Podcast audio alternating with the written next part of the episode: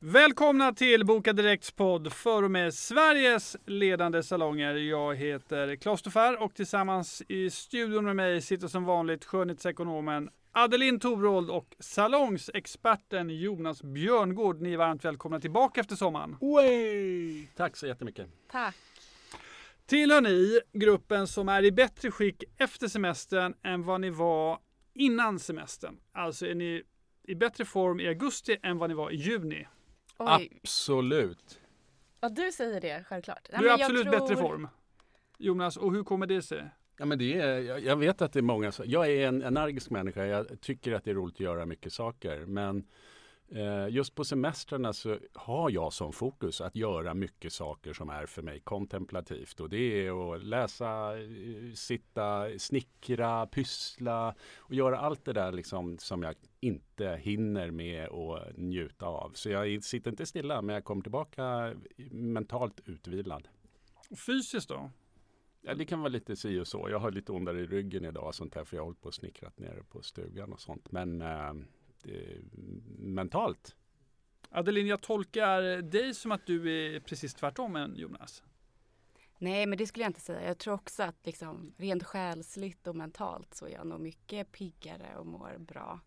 Men pratar vi liksom, jag vet inte vad du menar med bättre skick. Ja, det är ju jag tänker fri- utsida finns det mycket liksom torrt hår från alla salta bad och du vet, Mm. eh, ska behöva gå till frisören och man har varit barfota mycket. Det finns mycket att ta tag i på den här kroppen.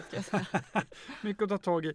Vad är bästa tricks tycker ni för att eh, lyckas behålla någon form av ordning under sommaren? Har ni några lifehacks eller liknande? Men jag är ju en rutinmänniska så att för mig är det viktigt att hålla i mina rutiner och liksom träna som vanligt ändå. Ja. Även fast eh, det blir mycket annat också. Att liksom hålla fast vid någonting så att man, eh, eller det får mig att må bra i alla fall. Jonas, du grillar varje kväll och dricker en bag-in-box i veckan, på att säga. I veck- om dagen. Om dagen. Jag.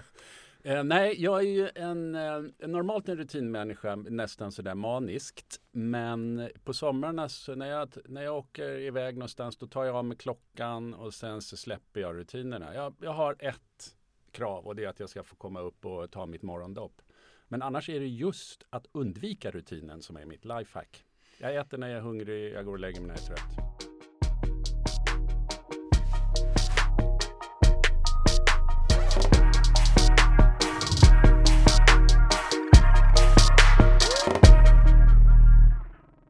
Så här i eh, slutet på semestern nu då. Adeline, du berättar att det fanns mycket att ta tag i så att säga eh, på din anatomi. Är det många salongsbesök som väntar? Ja, absolut. Eh, frisören. Frisören, vår, eh, fötterna, massage, vad är det mer? Ja men naglarna ska väl fixas och eh, ja, lite en ansiktsbehandling eller så hade varit härligt. Ja, jag ska göra en klassisk Mix Megapol-brygga nu, så frågar jag er hudterapi, går ni på det? För sällan men jag gör det väldigt gärna. Eller någon form av ansiktsbehandling? Jonas, det är li- Ja, det har hänt. Men jag grinar lite illa. Så här. Det är inte min normala grej, men det har ju absolut hänt nu. Och jag gör ju det för att besöka många av våra kunder.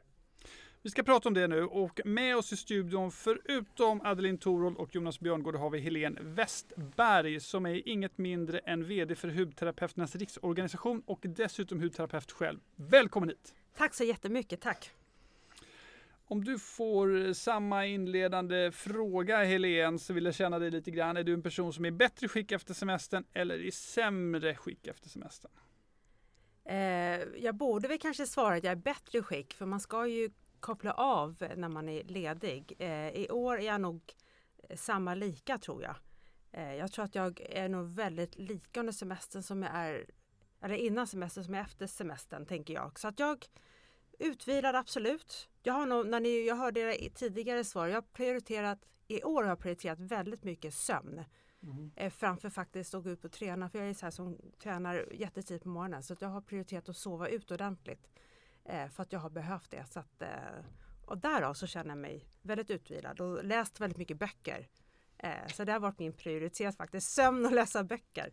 Hur mycket har du tänkt på den kommande hud och kosmetikmässan som sker den 8 och 9 september här i Stockholm? 24-7. Vaket tillstånd och även sovande tillstånd. Ja, Jag har nog tänkt på det dygnet runt faktiskt. För jag är den som håller på med det just nu och har hållit på med det väldigt länge. För mig är det viktigt att det blir en väldigt bra hud och kosmetikmässa. Så att hela tiden.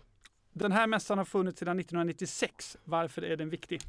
Hud och kosmetikmässan är den enda eh, branschmässa som vi har för hudvård eh, hudvårdsterape eller hudterapeuter och närbesläktade yrken.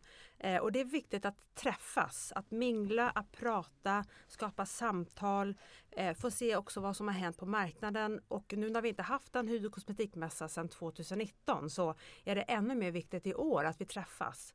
Vi är flockdjur, vi behöver träffas. Man kan göra väldigt mycket digitalt och annonsera men man behöver träffas för att kunna känna branschen på pulsen. Eh, så att och träffa likasinnade sån här, bland annat produktnördar och all, alla andra närbesläktade nördar som vi träffar. Så att jag tror att det är jätte, jätteviktigt. Vad kan vi förvänta oss för speciella ljuspunkter just i år? Vi har väldigt mycket, många olika, alltså nya utställare eh, som vi inte haft tidigare. Vi har väldigt trevliga också föreläsare som vi har i och för sig varje gång vi har mässa. Vi har eh, också lite nya events också på stora scener, till exempel Scratch kommer hålla lite workshops och lyfta fram nagel och handvårdsbranschen. Sen är det klart att mycket är ju sedan tidigare likvärdigt, bara att man byter ut så att det är lite andra personer som kommer. Men just att vi har eh, väldigt mycket annorlunda utställare kanske vi haft tidigare, vilket är jättekul. Och sen så har jag också haft rätt mycket tryck att många som, som vill besöka mässan som också är från utlandet. Eh, jag har haft väldigt mycket konversation på engelska med folk som vill komma. Och det är också trevligt att det öppnar upp, det inte bara att det är från svensk bransch utan det finns ju faktiskt inga gränser i det här utan och det känns jättekul och det kommer jag satsa ännu mer på framöver i år. Mässan har som sagt funnits sedan 1996. Hur har den här branschen, Helene, som du företräder utvecklats sedan dess? Ja, alltså jag tog ju själv min Cedesco-examen i London 1994 och när jag flyttade hem och var hemma ett tag i Sverige så klart att då visste ju knappt någon vad en ansiktsbehandling var. Och sen dess i Sverige så är det ju klart att vi är, vi är bättre på att tycka att det är okej okay att ta hand om sig. Vi, ja, vi tycker att det är okej okay att spendera pengar på själva för det har vi varit väldigt dåliga med. Så att det har vi blivit bättre på. Det har ju utvecklats, utvecklats sedan dess jättemycket. Eh, till skillnad från kanske då England där jag har mest arbetat. Eh, och så har, är liksom att Sverige har verkligen kommit ikapp. Eh, och det är, alla går ju faktiskt på behandlingar numera. Det är jättevanligt. Alla vet var man kan boka och man vet var man kan gå. Eh, så det är, det är fantastiskt att det gått verkligen framåt. Det har verkligen rusats fram sen då jag tog min examen. Så att. Jonas, vill du som salongsexpert fylla i hur branschen för hud och skönhet utvecklats? Ja, jag har ju massa spännande idéer och funderingar kring det här. Men man kan väl säga att det som jag upplever och det kan ju ligga i parallellt med att våra tjänster och erbjudanden utvecklas på Boka Direkt. Det är ju att intresset för att marknadsföra sig, intresset för att effektivisera, öka beläggning och sådana saker. Det har blivit betydligt större. Så jag upplever att branschen är en högkvalitetsbransch. Det är en duktig bransch. Man har ofta bra beläggning och man har ofta eh, ska vi säga, fokus på försäljning. Man är duktig på det. Och det, har, det fortsätter. Och det är någonting som vi märker i förhållande till många andra branscher att hudterapeuter är ovanligt bra på. Adeline Torold, med titeln skönhetsekonom. Alla går på hudterapi, säger Helene Westberg. Möjligtvis lätt överdrift, men sanningen är att eh, eh bokningssiffrorna bekräftar bilden. Väldigt många mer går på skönhetsbehandlingar inom hud. Ja, absolut, så är det. Och nu finns det ju liksom skönhetsbehandlingar och hudbehandlingar är ju ett ganska brett eh, område eller bred kategori på Boka Direkt. Men kollar vi specifikt på ansiktsbehandlingar till exempel så under förra året så bokades det 250 000 ansiktsbehandlingar på Boka Direkt. Värdet 220 miljoner kronor, vilket är väldigt mycket. Eh, och det här har bara ökat under det första halvan av Ansiktsbehandlingar, 2022. förlåt jag måste bara ta in siffran, 220 miljoner kronor. Ja, det går, stämmer. Det är dina medlemmar i princip allihopa som eh, genomför de här behandlingarna, Helene? Ja, inte alla kanske, många är. Men det är ju så, trycket på att bli medlem i SHR och bli auktoriserad hudterapeut, eh, det har, det har verkligen lyfts mycket mer. Det är många fler som vill bli medlemmar. Så att alla eh, hos er kanske inte då är auktoriserade hudterapeuter, men många är. Mm. Och vi vill ju såklart få flera. Eh, fortsätt Adeline, du hade mer ekonomisk data. Men det kan se att eh, första kvartalet så ökade liksom antalet bokade ansiktsbehandlingar med 15 procent, vilket är väldigt stor ökning får man ändå säga. Det har liksom stabiliserat sig lite under andra kvartalet kan också ha att göra med att inför sommaren och så, så kan man ju bli lite mer ljuskänslig av vissa behandlingar. Nu säger jag här utan att liksom ha någon eh, kunskap som hudterapeut, men eh, man, vi ser ju lite trender Mm. så i bokningar. Eh, Går man på hudterapi, frågan är öppen för alla, innan sommaren för att vara snygg till semestern eller efter sommaren för att så att säga renovera sig efter semestern? Någon uppfattning? Eh, både och tänker jag. Mm, men det får du inte svara. Du måste välja. jag hade sagt samma. Jag, jag, jag, jag skulle i så fall gå för, jag, äls, jag älskar ju som jag ser ut efter semestern. Lite sådär ett slitet hår och lite solbränd. Det är väl så man ska se ut. Jaha, så man går innan så att säga. Jag tänker under semestern. Ah, spelar in ett tredje Ah, alternativ. okej, och det, det, det, är liksom, det får jag säga då i och med att Ja. Karin inte Men Jag du tänker tänker, nog- ju egentligen då före, under och efter. hela tiden. Ja, jag förstår. Hur ofta tycker du man ska gå på hudterapi egentligen? Eh, ansiktsbehandling var sjätte, sex till åtta veckor ungefär. Så var Ah. sjätte vecka ska hon gå på ansiktsbehandling. Gör du det? Yes. Säkert? Ja. Kan det vara farligt att gå så ofta? Inte? Nej. Sen beror det på klart vad det är för slags behandling du går på. Om du går om du får till exempel eh, olika syror och så vidare, då ska du inte gå för ofta. Men det är, liksom, det är inte så att du är, det är en bra gård. Det handlar inte bara om att ta hand om huden, det här fysiska. Att en hudterapeut är inte bara ett ytligt yrke, yrke utan det man gör är att man mår också mycket bättre mentalt när man går därifrån. Så att det är bra för huden men även bra för sinnet. Just det. Men av de här 220 miljoner kronorna så då eh, lägger du eh, en andel av det kommer direkt från din privata hushållskassa nästan. Ja precis, ja, precis. min privata, inte min mans utan min privata precis. Absolut, Eh, jag har krämer överallt. Jag försöker få de tre männen i hushållen också att ta del av min, mitt intresse, min passion. Hur går det? Det går bra. Det är den tredje där som är lite svår. Men eh, min man, ja, min son, absolut. Eh, men vi har, jag har lite att jobba på.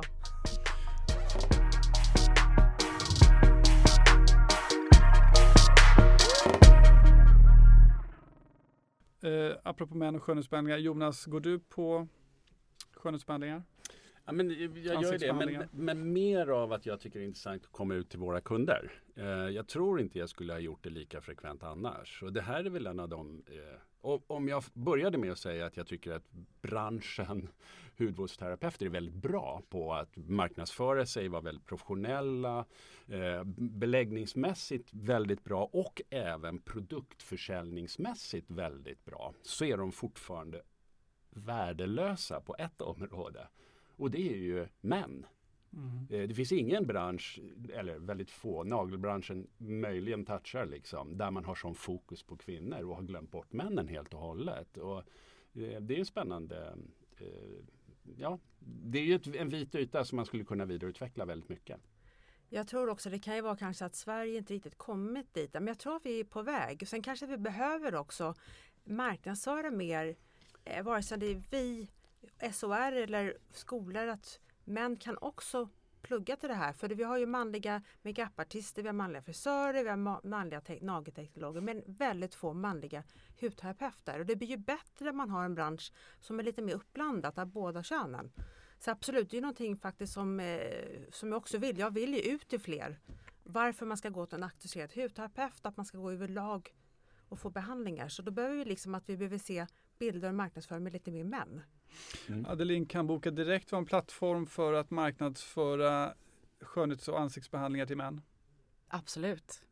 Eh, vi har ju en enorm bredd både bland liksom, behandlingar, tjänster men också bland kunder. Så att det finns ju många män på Boka Direkt som jag är ganska säker på skulle vilja boka mer ansiktsbehandlingar. Men salongerna själva kanske är dåliga på att vända sig till män. Marknaden mot kvinnor kanske är tillräckligt stor, jag gissar. Så kan det vara, Man absolut. är bortskämd så att säga. Helene, vad tror du? Eh, när det gäller att få in män? Ja. Eh, jag tror bara att vi måste gå ut och prata om att det är inte en kvinnlig bransch utan det är en unisexbransch. Att det är liksom att det är både män och kvinnor. Vi alla har ju en hud liksom, vare sig man är man eller kvinna. Så att, eh, och att det är inte en kvinnligt. Så jag tror att det kommer. Eh, jag har sett det tidigare när jag bodde i England att det var väldigt mycket mer så att det kommer marknader. Så jag tror att det kommer hit också. Alla har en hud som du säger, huden är också vårt största organ. Är det kanske också vårt mest misskötta? Vilket organ är mest misskött annars? Hjärtat. Levern. Levern. Bra. Hjärtat. Ärlighet. Alltså, alla organ man inte kan se tror jag. Ja, alla. Ja, li, ja lite så kanske. De man inte kan se är ju rätt viktiga också. Eh, Ja, men det, jag tror att man kan inte se hur de mår så därav så kan de lätt ignoreras. Huden, alltså det är ju så, när man är sjuk, när, man är, alltså när någonting händer i kroppen som inte är okej, då ser man det på hud och hår. Och där får man liksom en varningssignal. Eh, mindre organ, man säger ju inte, skulle kroppen vara transparent så skulle man ju se mer hur kroppen mår. Men huden är ju det största organet som du säger, där man också kan se om man inte är okej. Alltså har, man, har man jobbat mycket, man är trött, för lite sömn, så syns det på hud och hår. Och då får man ett kvitto på att aha, nu måste jag liksom gå till en hudterapeut. Jag har en spaning från i sommar och det är att man kan skära olika generationer mellan de solbrända och de bleka. Jag som är född på 70-talet tillhör de som jagar sol medan jag ser 00-talister, märkligt att de heter så, de föredrar att skydda sig från solen. Solen är en risk, för mig är det bara goda nyheter. Delar ni den här eh, oerhört grunda spaningen? Ja, det Absolut. tror, jag, det Mm. tror jag. De är mer upplysta. Men även när jag var yngre och också 70-talist, född 71, så jag menar, man hade ju knappt solkräm på sig. Nej. Mamma som var visste ett annat pigment, hon hade typ noll. Men då hade man ju sololja. Ja, ja, precis. Det ser man ju inte längre. Mycket mer upplyst också nu. Mm. Jag tror också att det går hand i hand med den här eh, liksom ganska utbredda hälsotrenden som vi har egentligen i hela samhället men kanske framförallt bland den yngre generationen. Ja. Och där kommer ju solens liksom skadliga effekter såklart in i bilden. Jag har en guddotter som är 18 och som var i Spanien i sommar. Jag frågade henne på WhatsApp hur vädret var. Då återkom hon till mig och svarade vilken UV-grad det var. Då sa hon det är UV10. Då insåg jag, jag har inte ens en aning om, är det bra eller dåligt? Eh, och I så fall, jag skulle tycka det var soligt, då vore det bra. Jag fick signalen då från henne att det är, det är mycket och då gäller det att skydda sig extra noga. Det, jag är inte ens i den sinnesvärlden att det skulle kunna vara på det sättet. Ja, Jag håller med dig helt. Jag, alltså, för mig är ju solbränna vackert och jag jobbar med att försöka. Om jag är ute och jobbar i trädgården då tar jag av mig tröjan. Eh, Jag tror att mina kids de sätter på sig keps och långärmat eh, i Exakt. solen. För att, och det finns inte heller den här känslan för dem att de blir supersnygga när de är solbränna. Jag blir ju supersnygg när jag blir solbränd. Såklart. Instämmer. Med mig själv också. Ja. Helene, spelar det här dina kunder, dina medlemmar rätt i händerna att den här ökade kunskapen om solen också innebär ökad kunskap om sin hud? Absolut, för det är ändå huden som man lägger på som man tar ut i solen. Så absolut att man får en helt annan medvetenhet om just hur man ska skydda huden och ta hand om sin hud. Sen är det så, på 70-talet fanns det inget internet, men var fick vi all information ifrån? Sen att vi har ju ett helt annat upplysningssamhälle nu där människor vet mer om eh, hur man ska till exempel ta hand om sin hud. Så att absolut.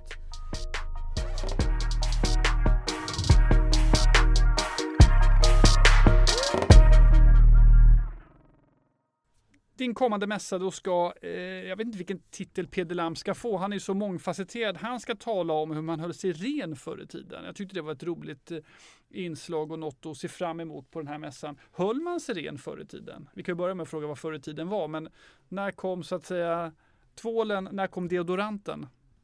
Eh, Datorn vet jag faktiskt inte när den kom. Eh, jag vet inte heller liksom när, nu håller jag på att tänka tillbaka liksom vilken tid då. Eh, Jag kan nog tänka mig att vi höll, alltså på gott och ont, man ska inte heller hålla på och sup, alltså tv- tvätta ihjäl sig heller. En viss, viss bakter- bakterieflora på huden är också bra. Ehm, så att jag, ja. Deodoranten, när kom deodoranten? Eh, Som expert inom detta område säger jag vet inte. Men däremot så läste jag Fågelström någon gång i ungdomen och då lärde man sig ju- Då känner man dofterna. Då kände man dofterna och man lärde sig också att när de en gång om året tog sitt bad Ja. så, och så vidare. Så det är inte så, många, så länge sedan som eh, livet såg helt annorlunda ut. Jag är uppväxt med, med en mamma som då säkert en generation bort hade en annan struktur. Där man, Det Mm. var väl inte säkert att alla hade dusch inne med varmvatten och sånt där. De kunde Nu minnas de dofterna, precis. min mamma var ju nitisk istället då. Hon, där slog det över. Där skulle ju barnen tvättas två gånger om dagen. Man skulle byta lakan hela tiden. Man dammsög, man städade, man tvättade. Och vi, våran generation växte upp med problematiken kring eksem, eh, astma, eh, allergier på olika sätt och sånt där. Så att det är ju som Helene säger, det finns ju ett problem om man overdo it Ja. också. Adeline, tvättar vi oss för mycket idag generellt sett? Är vi för rädda för dofter eller smuts? Ja, Det är vi säkert. Eh, och det har väl kanske bidragit ännu mer med hela covid och att man vill vara superren och tvätta händerna och, liksom, och det är väl i grunden bra men det kan ju också säkert ha skadliga effekter och torka ut huden tänker jag. Absolut, men sen är, också, är det ju också bra det här att och jag blev smittad av någon som var förkyld så var det någon som sa, vem det nu var minns jag inte, det här att man har ju faktiskt smittat sig själv. Man har ju tagit på någonting på händerna som man pillat i en slemhinna som öga, näsa och så vidare. Så att händerna är ju bra att de är absolut att de är rena, så behöver man inte overdo it. Mm. Eh, men sen att man återfuktar, för när, det är ju alltid så när du tvättar huden Eh, ofta det man tvättar med förutom hudvård eh, så är det att du har alkaliskt pH-värde. Det gör att du liksom tar bort också det, det som huden mår bra av att ha.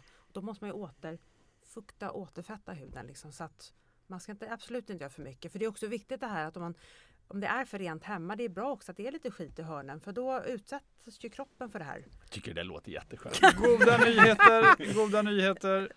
Dammsug varannan vecka. Herregud vad skönt. Så, va, va, då måste jag börja göra det var, varannan vecka? Okej, okay, en gång i månaden. Det, nya, det finns mycket ny teknologi kring eh, ansiktsbehandlingar, bland annat något som heter TDA. Vi ska inte fördjupa oss för mycket i det, men om vi släpper in Jonas Adelin också här. Vad ser vi för trender kommer här från er horisont? Adelin, ser man någonting från bokningsläget som man kan Nej, men jag tycker det är spännande det vi var touchade lite på just kring manliga behandlingar. Vi ser att det händer mycket. Nu är ju många män liksom väldigt måna till exempel om sitt skägg. Man går till barberare, man köper skäggoljor mm. och liksom allt det där är ju igång. Vi ser att det ökar eh, när det kommer till nagelbehandlingar. Eh, och jag hoppas ju och tror att det kommer eh, spilla över även till eh, hudvård. Och att vi ser fler män faktiskt ta sig till hudterapeuter. Mm. Om man struntar i det populära ämnet män och tänker på kvinnor är det ändå så, om vi ser gruppen som helhet, är det bland hud och skönhetsterapeuter vi ser nästa stora salongsrevolution? Jonas? Nej, men jag tror så här, vi har ju pratat om det här tidigare när det gäller andra typer av branscher och salonger. Jag tror att eh, konsumentdrivet så, så ökar vad ska jag säga så här? Jag tror att hudterapeuter kommer börja latcha med flera andra terapeuter och att skönhetssalonger kommer breddas till att erbjuda fler tjänster. Och det innebär att jag tror, och det här får Helene komplettera mig, men jag tror att samarbetet mellan branscherna ökar. Eh, jag tycker att det är superintressant med tanke på det jag sa tidigare, det vill säga att hudterapeuter är väldigt duktiga. Och att de skulle kunna lära andra branscher, bland annat produktförsäljning, Eh, men också prissättning. Om vi tittar generellt på bokningspriserna och vad en timme kostar hos en hudterapeut versus en eh, naprapat. Jämfört med frisörer så säljer de produkter, mer än tre gånger mer produkt per tjänst än vad frisörerna mm. säljer. Liksom. Här skulle man kunna hitta jättebra samarbeten. Jag vet också det här varför man då, hudterapeuten säljer mer produkter är ju för att det är en del av behandlingen. Man utför en behandling, man rekommenderar produkter för att man ska gå hem som kund och fortsätta få den här effekten av behandlingen. Eh, sen varför inte frisörer säljer produkter, det är ju minst lika viktigt där att man har en. Precis. Eh, och det är viktigt också att köpa bra kvalitativa produkter. Men ofta är det ju så, vi ser inte eh, produktförsäljning separat till behandlingen utan det är ett. Vi erbjuder en service och det är behandling och produkter. För går man hem sen som kund och så gör man använder tvål och vatten till exempel, då är man tillbaka till ruta ett. Man vill ju fortsätta få produkt, alltså den här effekterna. Sen när man kommer tillbaka till hudterapeuten efter 6-8 veckor så fortsätter hon att ta vid. Och då har ju under den här tiden har ju kunden använt produkterna som hudterapeuten, då, den auktoriserade hudterapeuten har rekommenderat och då blir det bättre effekt. Superintressant och mm. den här argumentationen borde ju fler branscher kunna jobba Absolut. med. Absolut, jätteviktigt. Mm. Adelin eh, Torhold, är det viktigt att hudterapeuten ska vara auktoriserad eller är det bara Helen som eh, försöker sälja på sin branschorganisation till våra lyssnare? Vad tror du? Nej, men det är klart att det är viktigt och det är ju en eh, kvalitetssäkring gentemot eh, konsumenten eh, och också förenklar för många konsumenter. Eh, till exempel om vi tar Boka Direkt som exempel nu då, så kan man ju väldigt enkelt se vilka hudterapeuter som är anslutna till SHR. Eh, så det, håll utkik efter loggan på vår sajt så ser man det på en gång och då vet man precis vad man får. Det ska man göra. Det här blir öppet mål för dig nu Helene, men är det svårt att bli auktoriserad hudterapeut? Nej, man ser till att man går på en SOR-ansluten skola. Vi har nio stycken i Sverige. Oj. Eh, så det finns eh, massor skolor man kan gå och det är ju så när man är en auktoriserad hudterapeut, för alla kan ju kalla sig hudterapeut. Däremot vet man, som, som du säger också Adelina, att om man är auktoriserad hudterapeut och vet om man har SR-emblemen på sin salongsdörr till exempel så vet man som kund att de har en gedigen utbildning, eh, man följer våra etiska regler och våra stadgar som vi har sagt som man måste följa och även att man har en behandlingsskadeförsäkring. Och det är ju en jättetrygghet att veta som kund att här kommer jag hit och så här kan jag få en trygg behandling. Det är ju jätteviktigt. Det blir kloka slutord från Helene Westberg. Tack snälla för att du var med i Boka Direkts podd för och med Sveriges ledande skönhetssalonger. Tusen tack.